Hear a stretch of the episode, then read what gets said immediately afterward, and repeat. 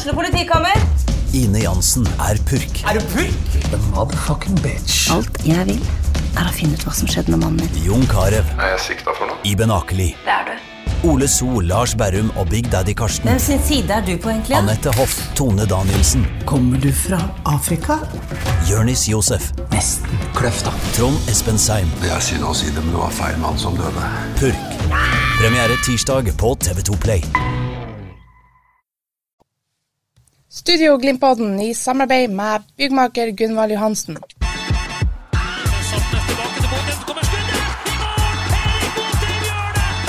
difficult for us than for Bodo boys.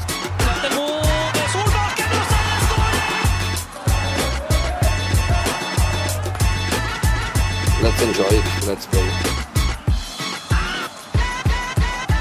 Velkommen til en ny utgave av Studio Glimt-podden på en tirsdag det er 17. januar, og det er bare 30 dager igjen til sesongstart med europacupkamp mot Lekpostene på Aspmyra stadion. Vi er tre stykker i, eh, i Studio Glimt-podden i dag. Det er Freddy Thoresen og Beransjen her i studio. Og så har vi med oss vår mann i Spania, eh, Stian Høgland. Hei til deg også. Hei, hei. Aller først, Freddy. Du er klar? Ja da. Veldig bra. Omverden, eh, om vi skal tolke Twitter og media og kommentatorer Twitterheimen er en stor heim. Ja, de, Den omverdenen som jeg er ute etter nå, den ser ut til å være ganske så kritisk til at Bodø-Glimt investerer så mye penger og handler så mye spillere. og Det ser ut som vi ikke gjør annet. Det går nesten ikke en dag uten at ikke det ikke en presenteres en ny spiller. Hvert fall rykter om en ny spiller. Mm. Hva vi synes om eh, omverdens eh, kanskje litt eh, kritiske holdning til det som skjer? Nei, altså, første for meg er at jeg litt sånn, blir litt sånn overraska. I mitt, mitt regnestykke så har Bodø-Glimt mista seks spillere etter sesongslutt 2022, og jeg syns det er helt naturlig at Bodø-Glimt eh, erstatter de som drar ut. Det er én plass de ikke har erstatta, det er keeper. Så når seks går ut, og at eventuelt sju kommer inn, det lever jeg godt med. Jeg syns det er helt naturlig. Jeg syns det er en naturlig del av utviklinga til Bodø-Glimt, ambisjonene til Bodø-Glimt. Nå har de 30 spillere under kontrakt, så det er klart eh, på, på et gitt tidspunkt her så må det nok eh, ryddes litt opp i stallen, men at de begynner med å erstatte eh, spil, annet spillere som var inne i førsteelveren, type Ola Solbakken, Alfons eh, Samsted, eh, I min bok så er det helt naturlig, og så, eh, så får vi nå se da eh, hvordan det fortsetter. Men de henter jo på ei anna hylle enn de har gjort tidligere også. Nettopp. Det er vel kanskje det som, eh, om ikke provoserer, som i alle fall får omverdenen til å reagere. Det handles litt eh, bedre spillere, det brukes litt mer en, penger. en annen ting, altså Bodø-Glimt kom jo ut av startblokkene i et forrykende tempo i 2023, og det er også helt naturlig. Sesongen til Bodø-Glimt starter, som du sjøl påpeker, om 30 dager med Lech Poznan. Det er jo ingen andre motstandere som skal spille obligatorisk kamp i Europacupen 16.2. Så det er jo en av grunnene til at Glimt vil ha ting og brikker på plass. For er det noe også eh, journalister sør i landet bør få med seg, så er det at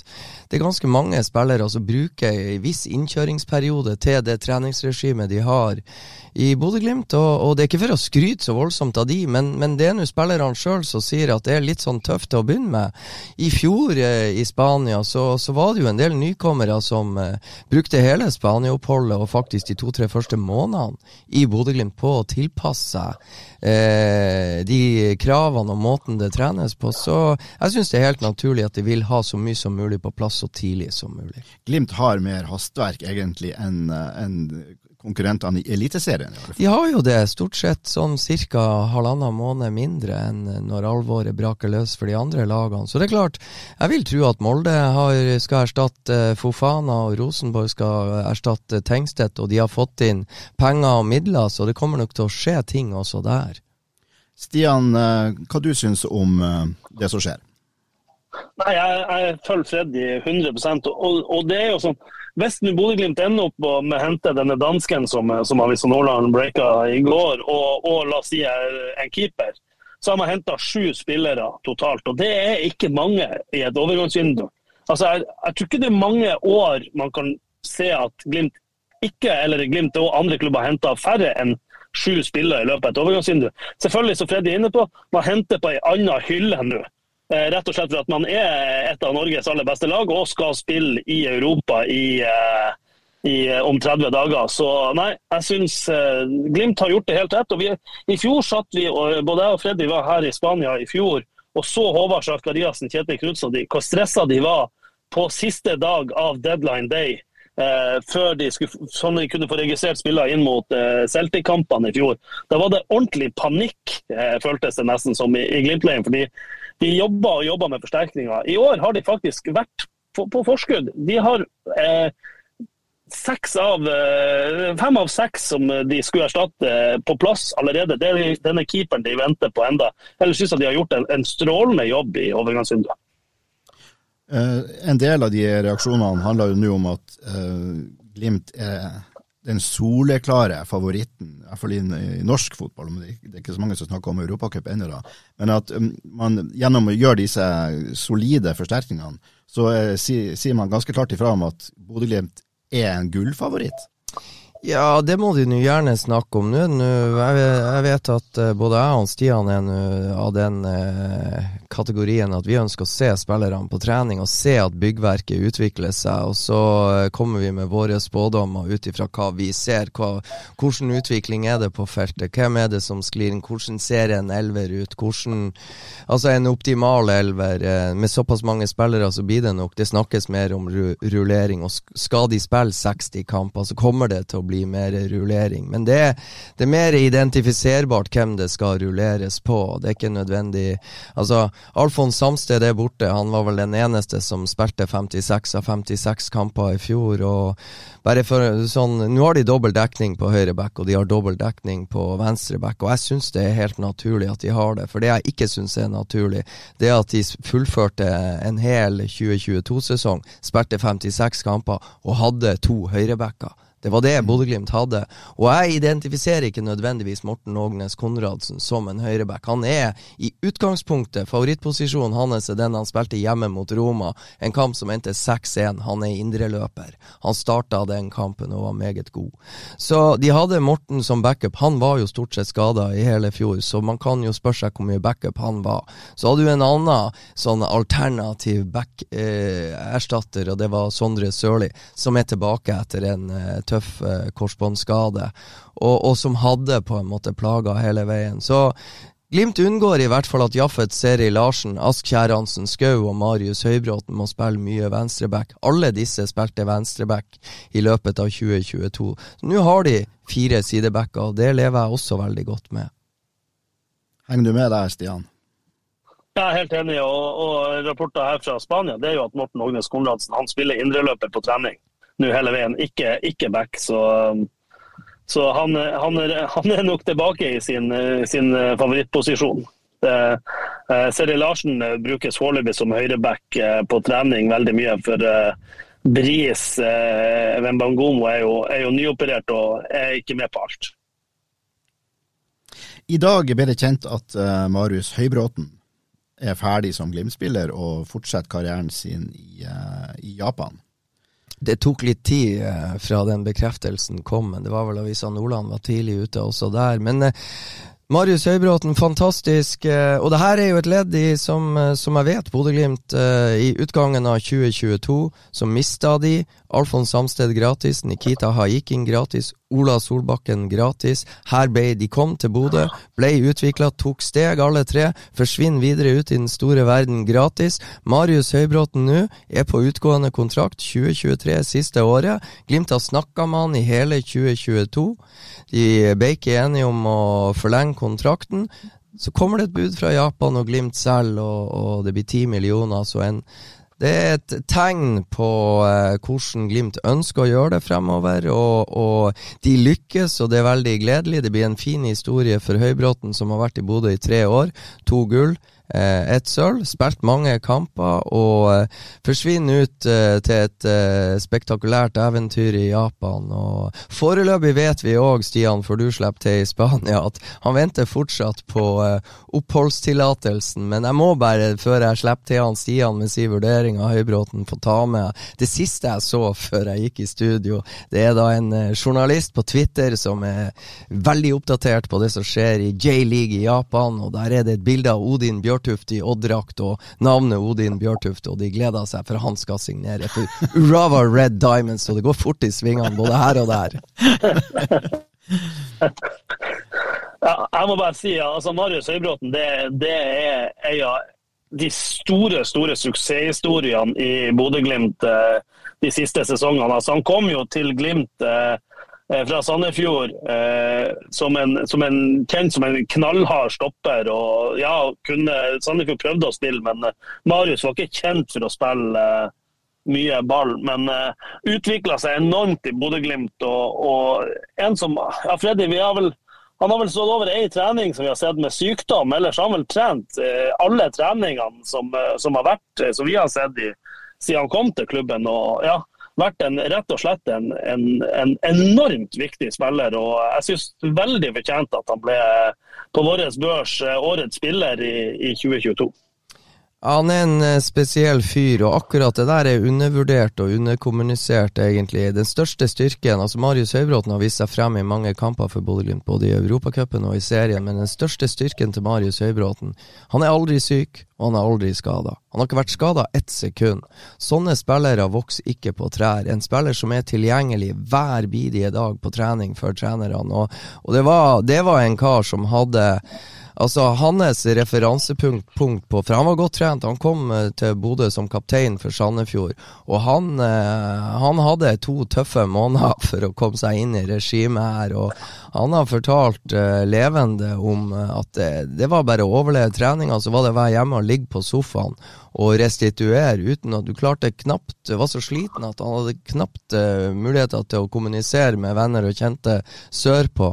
Lå på sofaen, sletra og, og, på en måte restituerte for å være klar til å overleve neste dags trening. Og så kom han seg jo gjennom det harde kjøret etter hvert og ble vant til tempoet. Men aldri syk, aldri skada, alltid tilgjengelig, og det blir vanskelig å erstatte åpenbart en av legendene i dette nye Glimt-eventyret som vi er si, midt i, og som vi opplever akkurat nå. Utvilsomt.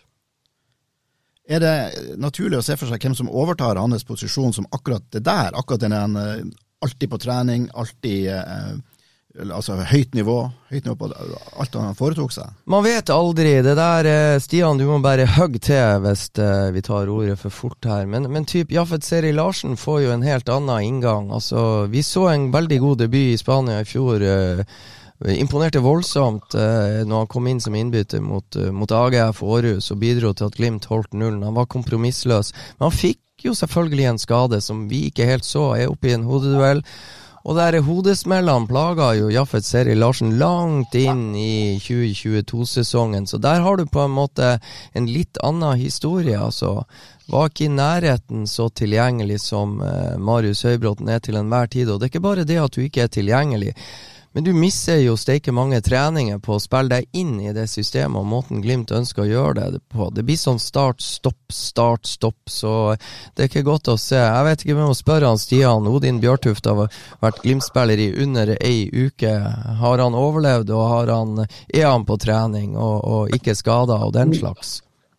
Ja, han er, han er, på trening og han har sett, sett, bra ut, men må sikkert eh, bruke litt tid på å absorbere det her også. Så jeg synes det var veldig artig at eh, akkurat eh, når du snakker om Jaffet Seri Larsen, som jeg syns har vært en av de på trening her som virkelig har stått frem og, og gjort det vi så i fjor, at han bare kommer inn og, og, og gutser og er en liten sånn der eh, panserstopper som han kan være. Og akkurat når du sa at han trykka til, så, så sto han og hamra handa i stanga og slo i stanga for at laget hans bomma på åpent mål. Eller alene av her. Så, så at det, det, her betyr noe voldsomt for Jaffet Larsen. Han har så lyst til å vise seg frem. Og det er jo det, Hvis han klarer å holde seg frisk, så har Glimt en, en spiller der som, som, kan overta litt for Marius Høybråten i den trendsettinga på trening. Ja, og, og, det som er at det kan godt hende at uh, de som er glad i Glimt uh, og, og følger dem tett uh, i 2023, får se en helt annen utgave av Jaffet Seri Larsen enn han har vist i Bodø-Glimt så langt. Noen bruker lengre tid, noen sliter og er plaga med skader. Og så får de arbeidsro over tid, og da er det utrolig interessant å se hvilke steg de kan ta i systemet til Bodø-Glimt, hvis de får jobba kontinu med kontinuitet på trening. Nå er vi på, på, stopperplass, og da er det helt naturlig også å dra inn et, et annet navn, nemlig, nemlig Isak. Eh, hva kan vi si der? Er, vi, er, det noe nytt om han? Det er jo veldig mange som ytrer at eh, Glimt må for alt i verden ikke kvitte seg med han av mange forskjellige grunner, men kanskje aller mest fordi at han rett og slett er nordlending og steike god. Ja, la oss begynne her, Stian. Skal jeg sette over til deg. Men altså, det er jo noe nytt om Isak Helstad Amundsen hver dag. Vålerenga hadde han blinka ut. I det Sigurd Rosted bestemte seg for å gå til fotball i USA. Han hadde vel valget mellom Vålerenga og Brann, og så eh, dissa han begge de to.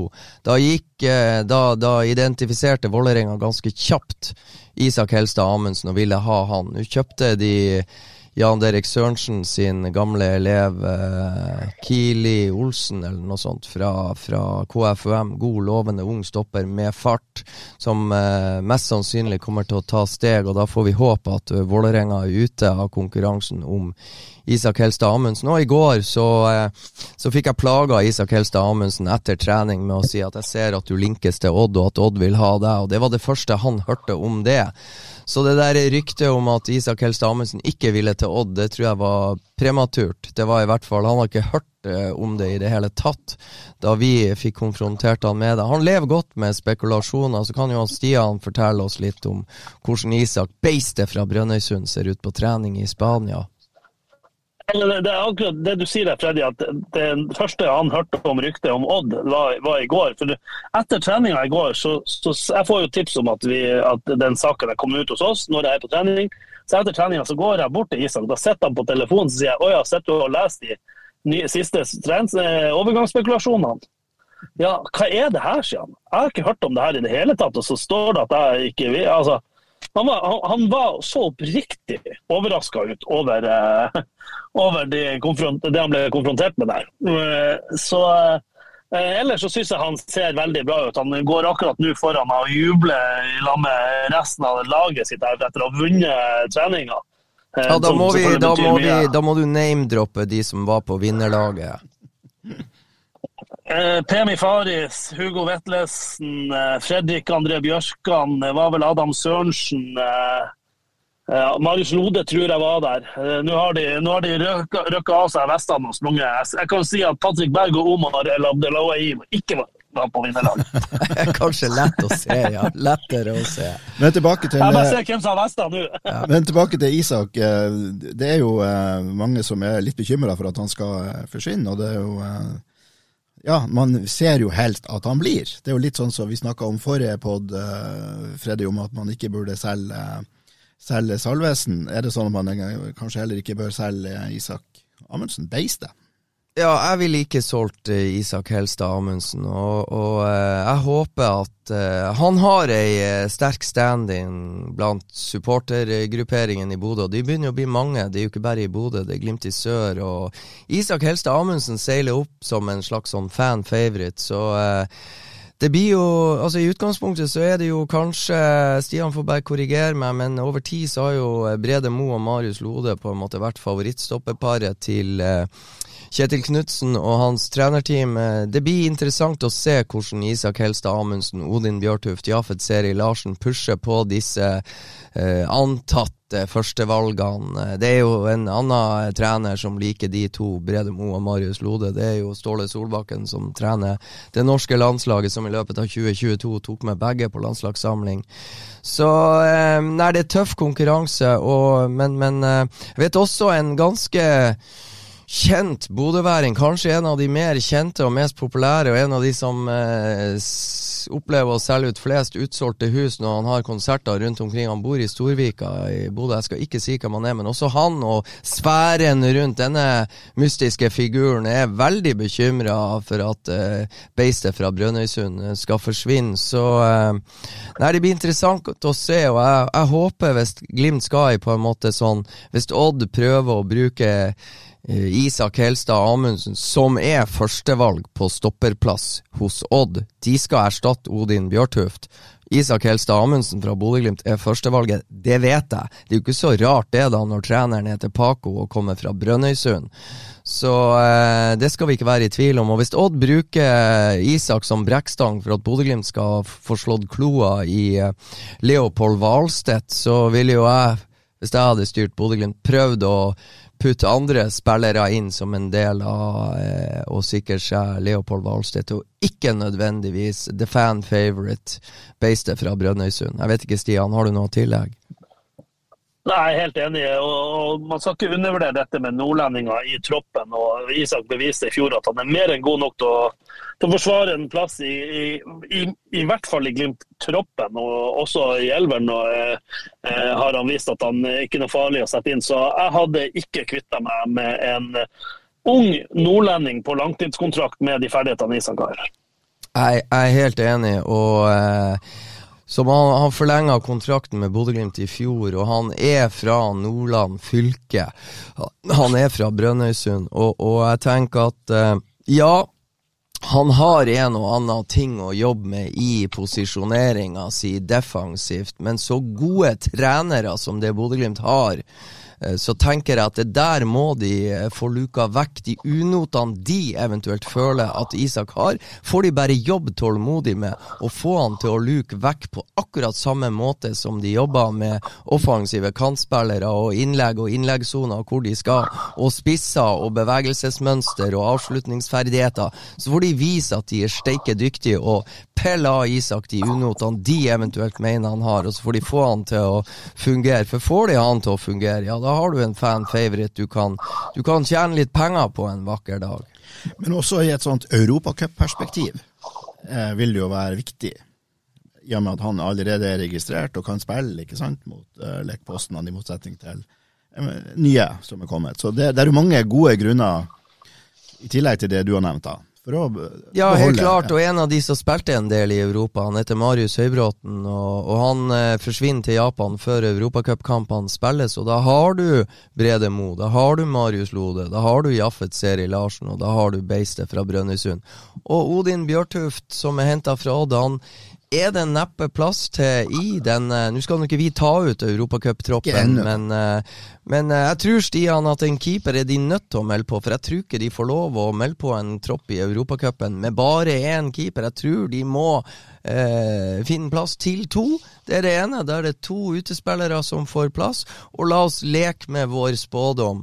Jeg tror ikke de signerer Omar El Abdelaue uten å ta han med i europacuptropp, og jeg tipper de tar med Fredrik André Bjørkan, den hjemvendte sønnen i en europacuptropp. Så eh, ja, det, det, det, er viktig å se hvem du har tilgjengelig, hvem er skada, hvem er operert, og hvem er det som har en skadehistorikk, osv., osv. Det, det du sier, at De får nok ikke lov til å være mindre enn eller en keeper, mindre enn to keepere. Og Vi vet jo at Magnus Brøndbo ikke får være på B-lista for at han var det året i Roma, at det er noen dager det står på at han har ikke vært lenge nok i klubben. Men Isak Sjong som er her, 16 år, tror du Glimt kan ha jeg sier, baller nok til å melde på han i B-lista og la det stå med det, og ha to keepere der? Ja, har... Tror du at de er så tøffe å gambler på at Julian Føye Lund ikke blir skada? Ja, men det blir en oppgave som man bør sette ut til deg nå. Du skal konfrontere Håvard Sakariassen og de høye herrer i Bodø-Glimt i løpet av dagen i dag. Må dere melde på én eller to førstekeepere. Min post, altså en første og en andrekeeper, altså en keeper som har A-lagskontrakt med Bodø-Glimt, eller kan dere dekke dere bak? Altså meld på én keeper og gamble på en 16 år gammel Isak Sjong. Jeg tror ikke de har lov til det, men det finner du ut i god tid til neste pod. Er oppdraget oppfatta, Stian? Oppdraget er tatt. Jeg skal eh, starte start, start bilen og kjøre og lete etter Robert Andreassen. Perfekt. Studio Glimpodden i samarbeid med byggmaker Gunvald Johansen.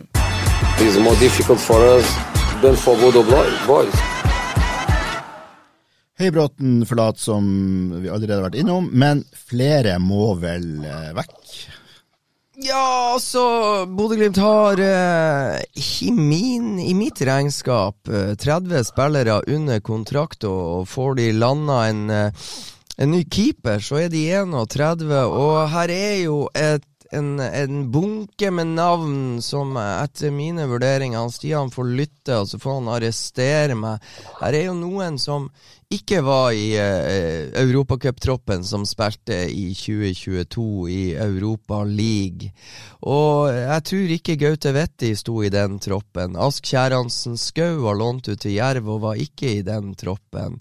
Sigurd Kvile var heller ikke i den troppen. Og Lasse Nordås som uh, var lånt ut til Tromsø, var heller ikke i den troppen. Gilbert Komson var Jeg vet ikke om jeg nevnte han, men uh, det er klart, eh, vi snakka om uh, seks ut og tre nye skal inn i den troppen. Her er mange som ikke kommer til å bli nevnt i det hele tatt. Så jeg vil jo tro hvis Glimt skal løse det her eh, Det er klart det er en ny verden å være Glimt-spiller, og det er en ny verden å være Glimt-trener, og vi kan sikkert ta en runde med det å rullere At Glimt er nødt til å rullere mer i 2023 enn Kjetil Knutsen har gjort noen gang med noen av de lagene han har leda. For han har aldri vært kjent for å rullere. Så det er klart, her er en del eh, nå som er sittet i sånn halvveis offside, og synd for Gaute Vetti som må jobbe og, og, trene seg tilbake etter skade. Det samme med Sigurd Kvile. Og så er det disse leiesoldatene som er tilbake fra andre klubber og skal ta opp konkurransen i en tropp som kanskje er sterkere enn noensinne. Så her er noen som er sittet litt i offside, og hvordan løser de det? Så jeg tror at uh, Glimt må, om, om, det blir salg eller om det blir utlån, men det, å skje, det må skje mye. Det er ikke tvil om at det må skje, skje mye. og En som du ikke nevnte, Fredrik, som ikke er registrert i Europa, det er Fredrik Sjøvold. Eh, så Han står heller ikke på Uefa-lista jeg var inne og sjekka i går.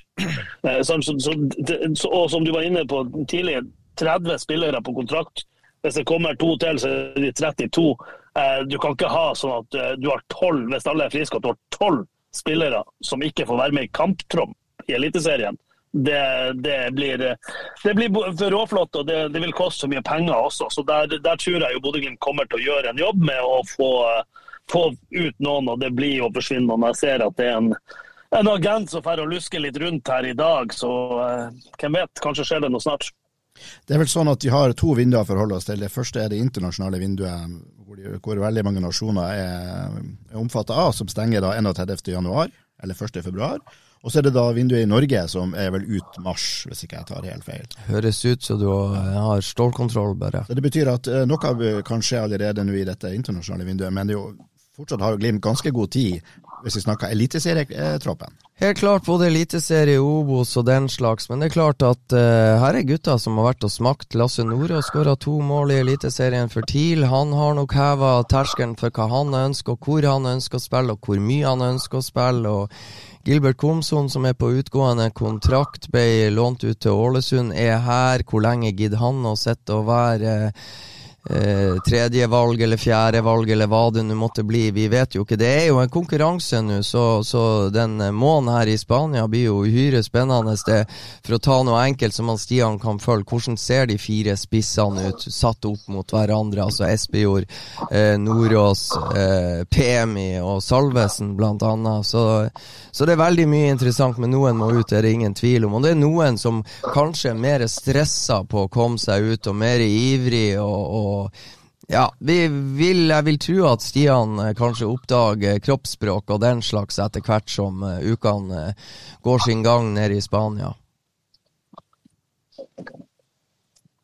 Ja, det er jo ikke tvil om at man vil, vil se det. og Foreløpig er jo en Runar Espejord f.eks. ikke kommet ned hit. Han, han, ble jo syk før Junkenkampen, og siste rapport i går var at han fortsatt var syk. så uh, så får vi se om Espejord eh, ikke kommer ned her i løpet av ei uke. Men uh, spissplassen er en plass de har holdt på på trening og, og vært nødt til å rullert litt på. Sånn, Lars Jørgen Salvesen, Lasse Nordås og Pemi Faris de har, um, de har veksla når de har stilt på storbane. Så har de tatt hver sin runde.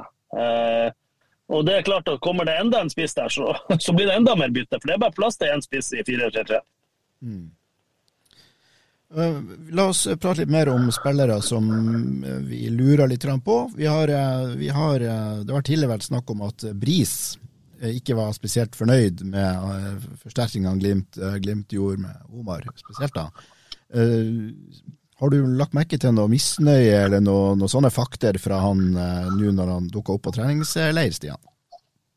Nei, Bris har vært eh, den eh, blide, smilende Bris som han egentlig ble kjent med i fjor. og står og ser på han nå, Da står han og, og flirer og tuller og tøyser med Joel og Gilbert Komson. Uh, har vært uh, høflig og hyggelig. Uh, egentlig fra, fra man møtte han på flyplassen på Gardermoen til, til nå, så ingenting å utsette på han. Og, og han, han, er kommet et stykke i den opptreninga fra denne lyskeoperasjonen det er som sier at han syns det er kjedelig å holde på å jogge. I dag så jogger han litt rundt til Ørjan Nygaard på sida her. og det går seigt, sa han. Eh, så jeg tror han kjeder seg litt med den løpinga. Har lyst til å være med og spille enda mer enn han har vært. Eh, så jeg tror jo Men han, han ser bra ut, Risa. Han, han kommer. Er det, er det, helt klart at han, hvis, hvis opptreninga nå går, går, greit, at han kan eh, være aktuell da mot Lech? Eh, det vil overraske meg hvis han ikke er det. for da er det jo, det, Dette er jo en operasjon Fredrik, du må arrestere meg, men det, det, er jo noen som har vært igjennom denne operasjonen før. og Det er vel en sånn seks-åtte ukers uh, greie. Han ble jo operert i, i starten av Helt i tidlig november. så han skal, skal være tilbake i, i, i gode gjenger før den tid. Ja, det er rett. Og så eh, både Trond Olsen i gamle dager og Kristian Fardal Opseth var gjennom en sånn type operasjon, og begge kom tilbake relativt kjapt. Så var det én de eh, valgte å, å, holde litt grann i nakkeskinnet, og det var Håkon Nevien i inngangen til eh, 2019-sesongen, hvor han ble kåra til årets spiller i etter, altså ved sesongslutt i Eliteserien. Og han holdt det de en eh, måned ekstra eh, før de slapp han løs i fri dressur. Det var helt bevisst av Bodø-Glimt, og det viste seg å være et taktisk smart valg. For når han slapp løs, så slo han seg løs. Og siden du nevnte eh, Evjen, så må vi bare ta med det, så for the record omtrent, at han kanskje ender opp i Danmark nå, da. Ja, det ser sånn ut. Det kom nyheter fra Danmark i går om at uh, Håkon Evjen er på vei uh, fra AC Alkmaar til til Brønnby, og det er i hvert fall en uh, Han ble jo linka uh, før fjorårssesongen, en sesong han spilte seg inn til fast plass på laget i, Brønnby, nei, i AZ Alkmaar. Etter at uh, Alkmaar ble utslått av Bodø-Glimt, så spilte faktisk Håkon Evjen seg inn i, i førsteoppstillinga til AZ Alkmaar etter en, noen tøffe første år i Nederland. Så og så pådro han seg jo det famøse, altså den forsmedelige, vil jeg si, ankelbruddet i en kamp jeg faktisk satt og så hjemme mot Neck Nijmegen. Eh, og nå, da, når han er tilbake, så ser det ut som han havner i Brønnby. Jeg vet ikke om du vet noe mer om det der, men jeg syns jo det ille å se at han drar dit. Ja, det, det overraska og skuffa litt, jeg må innrømme det. jeg hadde håpa for han stått i det såpass lenge i Aset, eh, og han kommer jo inn hver kamp. Eh, og Han er, han er jo nylig tilbake etter, etter skaden. så jeg, hadde, jeg hadde egentlig forventa at Håkon kom til å stå i det nå, men, men, det kan jo selvfølgelig ligge ting bak her som vi, som vi ikke vet. da.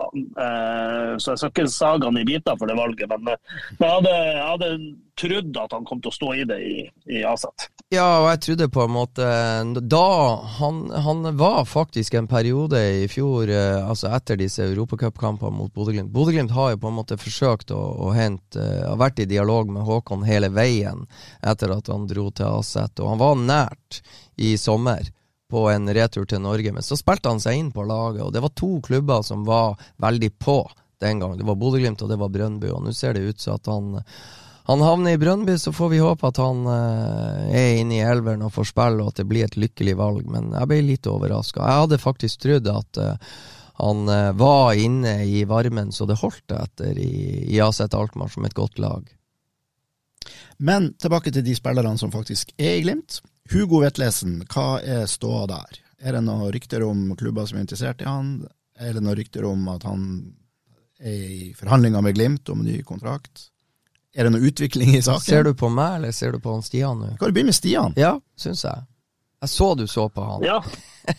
Nei, altså, jeg snakka med agenten til, en av agentene til Hugo og Jørgen Ingebrigtsen, og han sa at det ikke vært noe, men eh, det hadde vært veldig rolig i forhold til uh, overganger under VM, og så hadde det tatt seg mer opp etterpå. Uh, så, eh, så, det er At ting kan skje, ja. Men foreløpig har det vært ganske rolig på, med, med Hugo Vetlesen. Jeg har en litt sånn uggen følelse. Jeg ser for meg at det er jo nå i det internasjonale vinduet de, den eventuelt interessante overgangen ville ha kommet. Og Da blir det jo kanskje snakk om en overgang i Norge, og det har jeg ikke noe særlig tro på. det da, skjer ikke. Nei, og da lukta det for meg litt som at kanskje Hugo blir nok et eksempel på en spiller som fullfører kontrakttida si i Glimt og går gratis. Klokka går, for å si det sånn. Så det blir interessant å følge. Men det er overraskende. Han, eh, han hadde en fantastisk god sesong, Hugo Vetlesen. Skåra 16 mål. Men det er jo noen som har påpekt, og det er interessant, den debatten om uh, spillere som forlater Bodø-Glimt, et kunstgresslag som gjør det bra, går til klubber som spiller på naturgress. og Tre av de som ble solgt, eller forsvant, to forsvant jo gratis. Én ble solgt, Patrick Berg. Uh, en fjerde, Jens Petter Hauge. Ingen av de slo til der de dro, så er klubber internasjonalt uh, litt skeptisk til å hente spillere fra kunstgresslaget Bodø-Glimt. Ja, det er en diskusjon som er interessant. Det kan være tegn som tyder på at det der er en uh, realitet. Det kan være årsaken til at det stiller rundt Hugo. Har de scouta han? Var han god nok på gress, eller var det skinte han som mest på kunstgress? Hva vet vi? Men ting kan skje fort. Uh, Eh, det, det, er klart. Og så må vi jo da Kasper Junker har jo skåra sine mål i Japan. Marius Høybråten eh, tar nå turen til, til, Japan, så får vi se hvordan det går. Jeg tipper han blir å vinne en og annen hodeduell, for han eh, de er jo litt mindre, de han skal møte, og det går kanskje litt fort, fortere rundt han. Men han blir nok å vinne noen hodedueller, og han er venstrebeint, og det er grunnen til at Urava Red Diamonds henter han. Victor Boniface har vært en suksess i eh, klubben som ligger på andreplass i belgisk fotball etter Genk, som er suveren. Og eh, Viktor gjør det bra også i Europacupen med sitt eh, Union Sant Gelois, eller hva de heter. Mulig det er feil uttale på det siste der. Men eh, Viktor gjør det bra. Gjør han det bra fordi at han har vært i Glimt-systemet, eller gjør han det bra for at han er en individualist fra Nigeria? Der får jo de lærde strides om den eh, diskusjonen, da. Men eh, jeg aner en viss skepsis til, til Glimt-spillere ute i den store verden. Jeg skulle ha ønska at uh, de hadde lyktes bedre. Det fine er nå Alfons Samsted har hatt to muligheter, starta to kamper på rad. Sist 0-0 for uh, Tvente borte mot Ajax. Vi må ta med at uh, Ajax pådro seg et rødkort midtveis i i første omgang. Så Alfons har starta to av to og blitt bytta rundt 67 minutter i begge, så han har i hvert fall fått en god start i nye omgivelser. Men skal vi gjøre dette til et, et, en, eh, et tema, altså skal dette med underlaget, skal med, med gresset være det avgjørende her? Er det ikke mer at Glimt har en sånn særegen og tydelig spillestil som gjør at det er også, det er i større grad kanskje ja, enn en underlaget. For Glimt har jo, må jeg bare få lov til å understreke, også spilt glimrende kamper på naturgress. Helt korrekt. System og, og kunstgress eh, kontra gress. Helt udiskutabelt. Er det systemet i Bodø-Glimt som får de opp og frem, og tryggheten osv. Så, videre, og så, videre. så det er ingen tvil, det er en helt annen hverdag å være proff ute i den store verden. Det er en nådeløs bransje. Du er mobbeoffer, du blir pissa på av lagkompisene osv. osv. Og da mener jeg står ikke og pisser i ordets rette forstand, men du er en konkurrent. Så det er et totally different ballgame ute i den store verden. Og ikke sant, Fredrik Bjørkan, jeg sa det før, han blir kjøpt av én trener, og før han rekker, eller henta av én trener, og før han rekker å komme seg ned til Herta og Berlin, så er den treneren som ville ha han, sparka. Så eh, han har jo ingen garantier for at vedkommende som da er på plass når han kommer, hadde lyst på Bjørkan. Stian, dine betraktninger her? Nei, Jeg syns Freddy er inne på, på, veldig mye av de samme tankene som, som jeg har sett med. Og, men, mens, mens, vi, mens, da Freddy greide ut der, så, så, kjørte jeg fra treningsfeltet til hotellet til Glimt og hadde et par fra, fra trenerteamet i bilen. Og, og de nikka anerkjennende et par av resonnementene til, til Freddy her, så det må vi ta som et godt heng. det må vi ta. Jeg hadde flaks der, altså. du hadde det. Eh, så eh, litt om keeper, da. Eh, hvordan kan du begynne? Det var veldig synd at du ikke spurte i sted når jeg hadde Jonas i bilen. Ja. Men kan du, Stian, kan du starte med å si litt om hvordan har den unggutten på 16 år vist seg frem der nede, Sjong? jeg syns Isak Sjong virker som et veldig veldig spennende keeperevne. Han er 16 år, akkurat fylt 16, han er 1,90 høy. Så han har, jo, han har, jo, fysikk her. Han har bra, bra trøkk i, i, beina, syns jeg. Virker som jeg legger mye i det.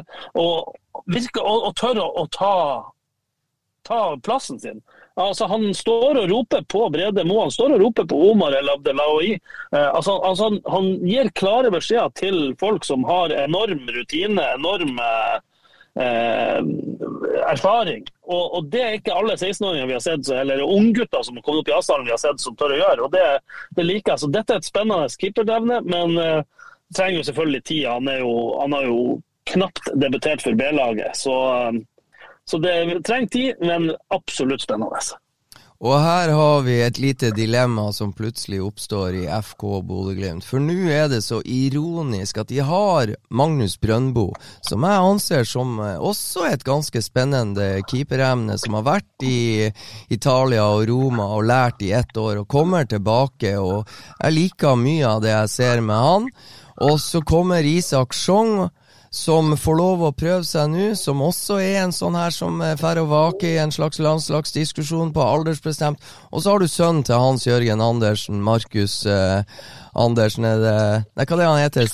Han heter Du har navnet. Markus er jo han som eh, spiller på Junkeren. og Eh, bare ryk korsbånd. Men eh, Andersen junior, som kommer til å strekke seg og bli like stor som far og mor, så plutselig så har du tre unggutter som alle burde stått på B-laget og tatt steg og fått eh, kamperfaring der på seniornivå, men som ikke kan stå samtidig på det nivået der. Ja, det, det, er et godt poeng, Freddy. Og her er det jo bare én ting å gjøre. Folk må lånes ut. Eh, det, det, holder ikke å skal spille halvparten av B-kampene i løpet av en sesong. Noen må ut og få matching i en annen klubb. Det er jo også litt eh, historisk nytt her, for det er jo mange år siden Glimt eh, altså Glimt har vel ikke fostret så mange gode keepere i det siste, så hvis det nå plutselig hoper seg opp med noen talenter fra byen, så er jo det veldig veldig spennende. Så, så man må jo prøve å finne ut av hva er det som har skjedd her. Det er kjempespennende. De har tre gode de har tre emner, helt klart, som har uh, forskjellige styrker. Uh, men det er veldig uh, Han Andersen, som jeg ikke kommer på fornavnet på, på er ganske liten. Eh, men han kommer til å, å, vokse, han kommer til å strekke seg. Plutselig skyter han i været. Og han er ekstremt god med ballen i beina. Jeg så et sånt klipp da han var 10-12 år, og det var en straffekonk, og han som keeper måtte ta siste straffe. Og selvfølgelig hylte han den i krysset med strak vrist, så han er jo i hvert fall Fotarbeidet hans er jo eh, av et sånn her kaliber som Jonas ønsker at fremtidige Glimt-keepere skal ha. Så eh, nei, det, det, er et krevende dilemma, og da eh, håper jeg at de er steike gode på, på, feltet. Så er det vanskelig, ikke sant. Lån dem ut, de er 16 år. Ja, de går på skole og alt det her, så der har de et dilemma som, eh, som er litt sånn jeg forstår ikke, ikke helt enkelt å finne den optimale løsninga på, men jeg tror det er jækla viktig at de klarer å ta vare på de. Derfor er det så steike bra at Isak eh, Sjong får lov å være med og få den der oppmuntringa og trene med de store gutta på treningsleir i Spania. Så den type hospitering bør de dyrke for alt det er verdt for disse keeperevnene som de faktisk har. Ja, og det der med, med, skole, det må de bare løse. For uh, Andreas Schjelderup er jo eh, per def uh, elev ved NTG i Bodø uh, og gjør unna videregående der. Så da må det være Når du klarer å få det til med han som har spilt i Nordsjælland i to år, da må man kunne klare det med en som faktisk bor i Bodø akkurat nå. Og, og det bør være mulig å lage gode dealer der, hvis noen av de skal lånes ut, f.eks. Studio Glimpodden i samarbeid med byggmaker Gunvald Johansen. Slepte mot Solbakken, og så! Avslutningsvis i denne utgaven av Studio Glimt-podden så må vi få litt mer fra deg, Stian, hvis batteriet og si, mobilen din, din holder. Eh, hvordan, eh, du, har, du, har, vært der nå, det er jo bare tirsdag. De starta jo for alvor på Men de hadde vel første trening på, på søndag, kanskje? Det stemmer. Så det, det er tre treningsdager og, og, sikkert ganske hektisk møteaktivitet og, og presentasjoner på taktikktavler og alt sånt. her. Men hvordan hva du vil si om, eh, om eh, situasjonen sånn som den ser ut for deg akkurat nå? Sorry, Stian, jeg må. Han heter Mikael Andersen, gjør han ikke det, Stian? Keeperen, sønnen til han Ja, Hans Jørgen. jo, jeg, satt, jeg, satt, jeg satt og googla, men jeg hadde ikke nett her. Så, så ja, jeg tror det er rett. Jeg googla i hodet. Mikael. Sorry, Stian, over til deg. Jeg måtte ha det ut av hodet, for jeg holdt på å dø av irritasjon. Nei, eh, Bodø-Glimt har brukt eh, tida veldig mye. Både søndag og mandag så, så hadde jeg litt sånn eh, storbane, og, og brukt tida på, eh, på relasjoner. Presspill som de ikke var fornøyd med fjoråret. De var jo veldig veldig misfornøyd med det defensive i fjor. De jobba mye med det. Og Det som har vært interessant, det kan Freddy sikkert bekrefte, i fjor når vi kom ned hit, og egentlig hvert eneste år, så har vi kunnet lest en elver ut ifra hvordan de har trent på presspillet. Fra egentlig første gang vi har sett dem på 11 mot 11. Enten så har det vært en elver hele elven, eller så har det vært Forsvaret på ett lag, midtbanen på ett lag, angrepet på ett lag. altså sånn. Eller du hadde høyresida på ett lag, venstresida på ett lag. Nå har jeg ikke hatt sjans å lese ut et lag. For hvis, altså, hvis det laget som eh, For jeg, jeg, skjønner jo at Patrick Berg starter jo mot Leif Bosnan. Hvis jeg skulle tatt ut laget ut ifra den treninga som jeg så i går, eksempel, og dagen før, så ville laget ha vært eh, Julian Feie Lund, Omar El Abdelawi, eh, Brede Mo, Isak Elstad Amundsen, Fredrik André Bjørkan. Eh, Sondre Brunstad Fred, Patrick Berg, Morten Ågnes Konradsen. Eh, og så er det vel Nino Sugell, Lars Jørgen Salvesen og Sondre Sørli. Det er de som var på den ene, ene elveren der. Og jeg tror jo ikke at Morten Ågnes Konradsen starter foran Albert Grønberg, f.eks. Eh, Det kan skje, men det tror jeg ikke. Ellers har de brukt tida veldig, som jeg sier, på det. De, har brukt, eh, de trener veldig likt, så jeg har brukt litt ekstra tid på, på relasjoner. Eh, og ellers er det veldig, veldig likt det de gjør. Både i dag var det ei sånn eh, økt hvor de selvfølgelig possession og, og sånne ting, og så kjørte de eh, angrep på hver sitt mål, delte laget i to. Eh, angrep, angrep en periode, forsvar en periode. Så avslutta de med å spille tolv kamper, fem mot fem med vegger. Hvordan tror du det laget de kommer til å stille med på torsdag? Da, da er det jo første det treningskamp, det er mot Viking. Eh, kommer det til å være et lag, tror du, som vil ligne på det laget? Reklame, reklame, reklame. 16.00 an.no kan dere se den. Ja. Perfekt. Ja, Det er viktig med reklame. Men, Ja. men tror du vi får se en, eh, noe som blir å ligne på det som blir å starte mot Lech da, eller er det for tidlig?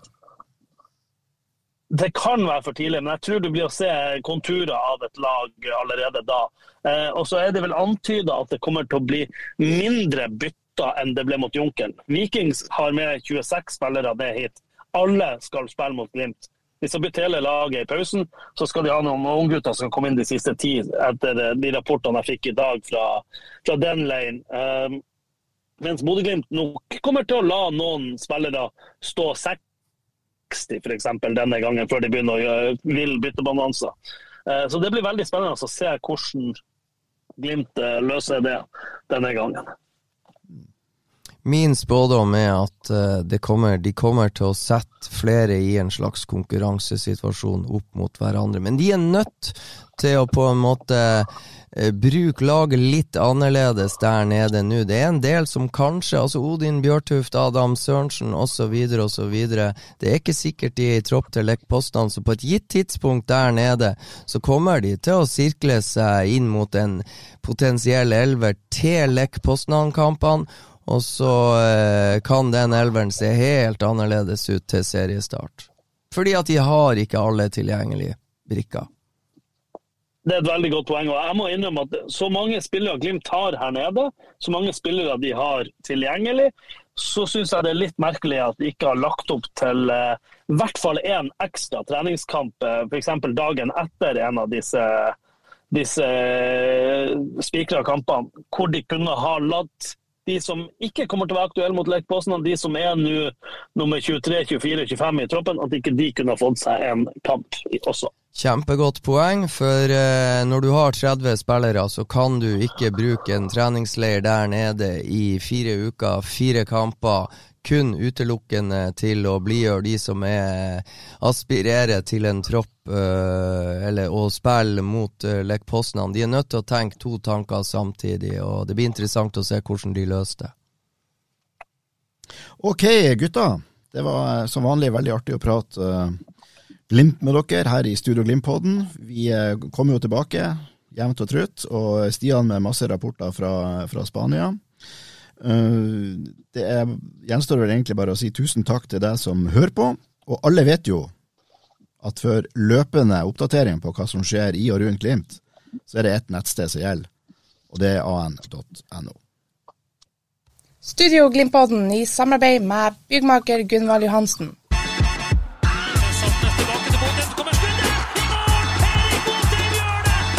Difficult for us, forward of life, boys.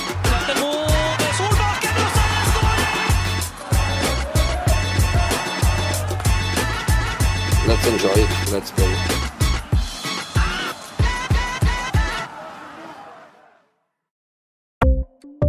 Ukens annonsør er HelloFresh.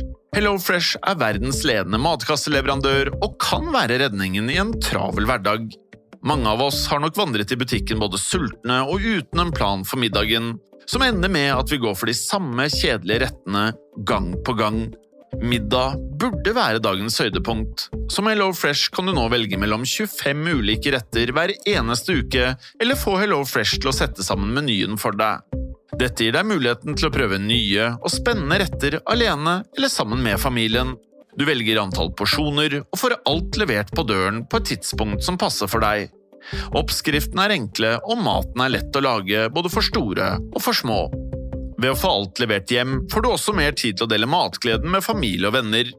Kanskje det frister med asiatiske tacos eller greskinspirert kylling? Da kan jeg anbefale deg om å gå inn på hellofresh.no. Her kan du bruke koden FOTBALL og få opptil 1779 kroner i rabatt på de første fem matkastene hvis du ikke har prøvd HelloFresh tidligere. Du kan også bruke rabatten hvis du har vært kunde og stoppet abonnementet ditt for tolv måneder siden eller lengre. Gå inn på hellofresh.no og bruk koden FOTBALL. Har du et enkeltpersonforetak eller en liten bedrift? Da er du sikkert lei av å høre meg snakke om hvor enkelt det er med kvitteringer og bilag i fiken, så vi gir oss her, vi. Fordi vi liker enkelt. Fiken superenkelt regnskap.